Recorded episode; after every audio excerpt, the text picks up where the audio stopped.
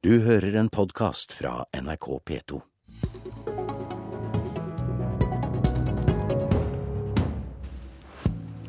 Det har ikke vært vårens vakreste eventyr. I hovedrollene Ola Borten Moe, en maktkåt, illojal ladejarl som har gjort alt for å undergrave sin partileder. Og Liv Signe Navarsete, en paranoid leder som har gjort alt for å kneble sin nestleder og tvunget medarbeidere til å lyve. I en birolle Trygve Slagsvold Vedum. Velkommen til Politisk kvarter.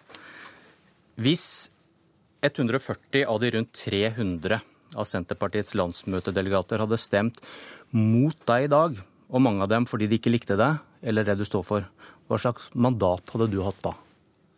Nei, men altså, Den som blir valgt i dag på landsmøtet, vil ha et mandat. Fordi at vi har hatt en veldig bred prosess. Det har vært flere tusen personer involvert i lokallag rundt i hele landet.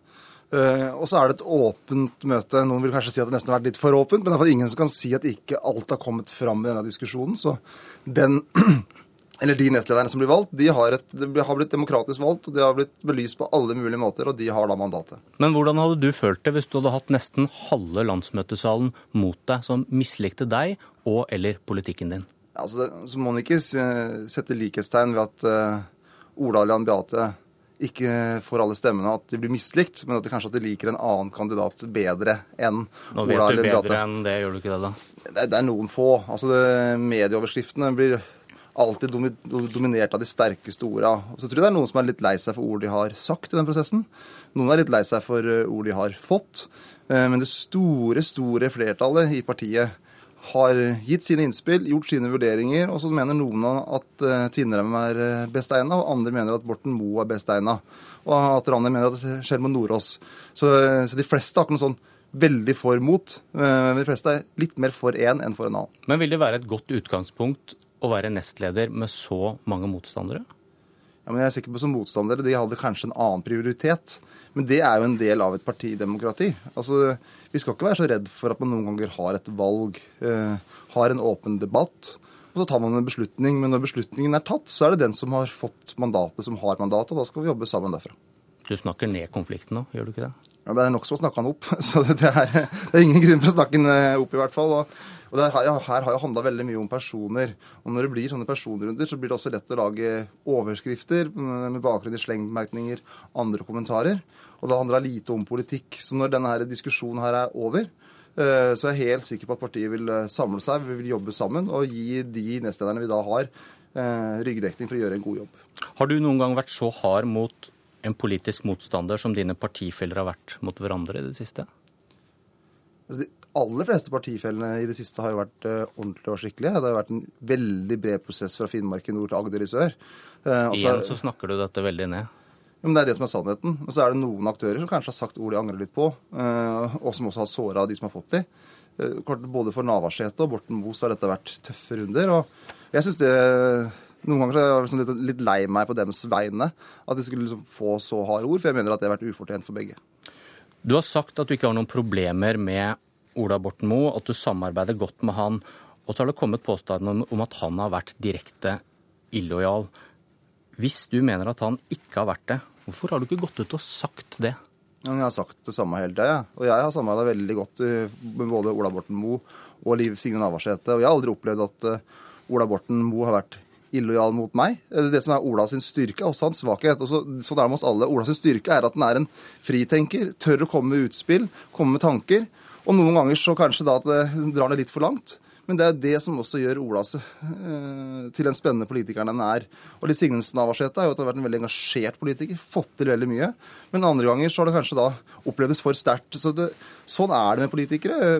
Hvis det er ekte mennesker, så vil du få fram både styrker og svakheter. Og det har både Ola og Liv Signe gjort, det kommer jeg til å gjøre. Og det er en del av politikken. For vi ønsker ikke bare å ha en gjeng glattpolerte talemaskiner, vi ønsker å ha folk men du, du, har jo sittet midt i dette. Du har sittet i ledelsen med begge, og du vet en del om hva som er sant og usant av de påstandene som kommer. Men allikevel så har du ikke gått ut og slått i bakken påstanden om illojalitet hvis det har vært feil.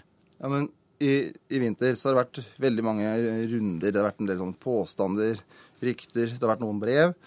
Og hvis jeg skulle begynt å gå etter ethvert avisoppslag og gjort meg til overdommer over hvert oppslag, så hadde vi bare generert nye runder, nye spekulasjoner. Så jeg har valgt å være åpen, eh, sagt at jeg samarbeider godt med begge to. Nå skal partiet få lov til å gjøre sin prosess, komme med sine vurderinger, sine innspill, og at det skal være minst mulig føringer fra min side på det. Det er, den, det er den linja jeg har valgt eh, å holde. Jeg mener at det har vært en, eh, en klok linje. For jeg tror hvis jeg skulle begynt å være overdommer over alle de ulike eh, orda som har blitt brukt, så tror vi bare at enda flere ord. Men overdommer, du, du vet vel hva som stemmer, og ikke hadde delegatene i dag hatt et bedre utgangspunkt for å gjøre valget sitt, hvis du hadde sagt hva som var sant og ikke? Nei, men husk at Jeg, jeg fikk et sånn veldig godt råd når jeg gifta meg. og Da var det fadderen min som sa husk at den, din ektefelles sannhet oppleves like reell som din egen. Og Det er også viktig i en lederposisjon. at alltid, Jeg har opplevd en sannhet, men når du skal møte andre, så kan de oppleve sin sannhet like reell. Eh, og nå har vi hatt en bred prosess. Og det som jeg er opptatt av, er at når vi da får fatta våre vedtak på landsmøtet i dag, så har den som blir valgt, uansett hvem det er, mandatet. Eh, og da skal vi jobbe derfra og få på, eh, diskusjon nå på politikk og det store samfunnsprosjektet Senterpartiet har framover. Jeg tror jeg spurte deg sist gang du satt der om du var konfliktsky. Nei, altså Jeg er heldigvis ikke en person som driver og søker konflikter hele tida. Eh, jeg prøver å være konfliktklok og velge mine konflikter med omhu. For at, eh, jeg har liksom sånn, litt sånn lederfilosofi for meg sjøl. Det er at du skal ha fasthet i det sentrale, romslighet i det perifere og kjærlighet i alt, som Augustin sa. Og det er den lederstilen også mener at han bør prøve å ha. Altså, Han skal være romslig med det meste, for det meste er bare litt støy der og da og betyr egentlig ingenting. Men så må du tørre å velge dine slag og være tydelig. Men det skal være i Senterpartiet rom for å ha ulike meninger. Det skal være rom for debatt. For vi trenger mer debatt, ikke mindre. Så tror jeg også jeg spurte deg om noen gang er ikke sannheten det beste for et parti? Ja, og Sannheten er alltid det beste, eh, for hva er alternativet til sannheten?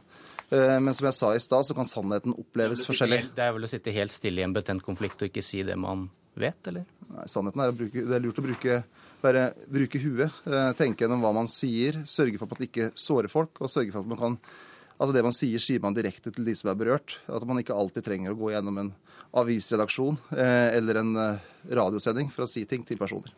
Du vil uansett stå igjen med mange tapere i dag, eh, nesten halve landsmøtet etter disse tellingene, med veldig sterke følelser. Hvordan skal du som leder håndtere det? Jeg tror det vil oppleves intenst, mer intenst for noen enn for mange. For det er noen som har vært veldig aktive i de debattene. Flesteparten som kommer inn i landsmøtet i dag, har, har lave skuldre, mange er sikkert i tvil. Skal jeg stemme på Ola Borten Moe? Skal jeg stemme på Anne Beate Tvinnereim? Og ligger og vipper. Så jeg tror de fleste tenker ja, da ble det Borten Moe, ja, da ble det Tvinnereim. Men så er det en, en, noen som vil være mer såra. Men det som vi veit med sånne personkonflikter, personrunder, er at når det, ting kommer litt på avstand, så vil ting roe seg ned, og vi begynner å diskutere politikk. Og det er politikken som vil samle oss. Og jeg hadde vært mye mer bekymra inn i det landsmøtet her hvis det hadde vært en djup politisk konflikt. F.eks. at én fløy nå sier nå må vi søke regjeringsmakt mot Høyre og Frp så fort som overhodet mulig. Eh, for det hadde jo vi hatt muligheten til med vårt, eh, vår oppslutning i Stortinget. Og hvis det var en annen fløy som nei, vi må for all del søke så fort som mulig en tettest mulig allianse Arbeiderpartiet-SV.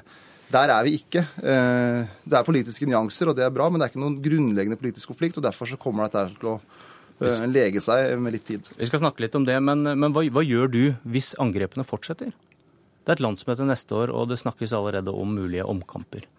For det første så eh, tror jeg det eh, roer seg ned. Og så er det ikke noe poeng å sitte her og beskrive eventuelle problemer som kommer om tre-fire måneder. Det må vi ta tak i når det kommer, eventuelt. Diskutere med de da som eh, er der og, og sier ulike ting. Og så tror jeg mange også har erfart i de rundene nå at det både har vært slitsomt å si orda og få orda. Så jeg tror det er det som har trukket litt lærdom av de siste månedene. At blir det for mange sterke ord om hverandre, istedenfor at man snakker med hverandre, så taper egentlig alle på det. Du har sagt at dette ikke handler om et retningsvalg for partiet. Hun som kjemper mot Ola Borten Moe i dag, hun mener det. Hvor tar hun feil? Altså, Det er politiske nyanser, og heldigvis er det det. Men, men, i de politiske hovedvalgene så har vi vært helt samstemte. Vi var helt samstemte når vi satt i regjering.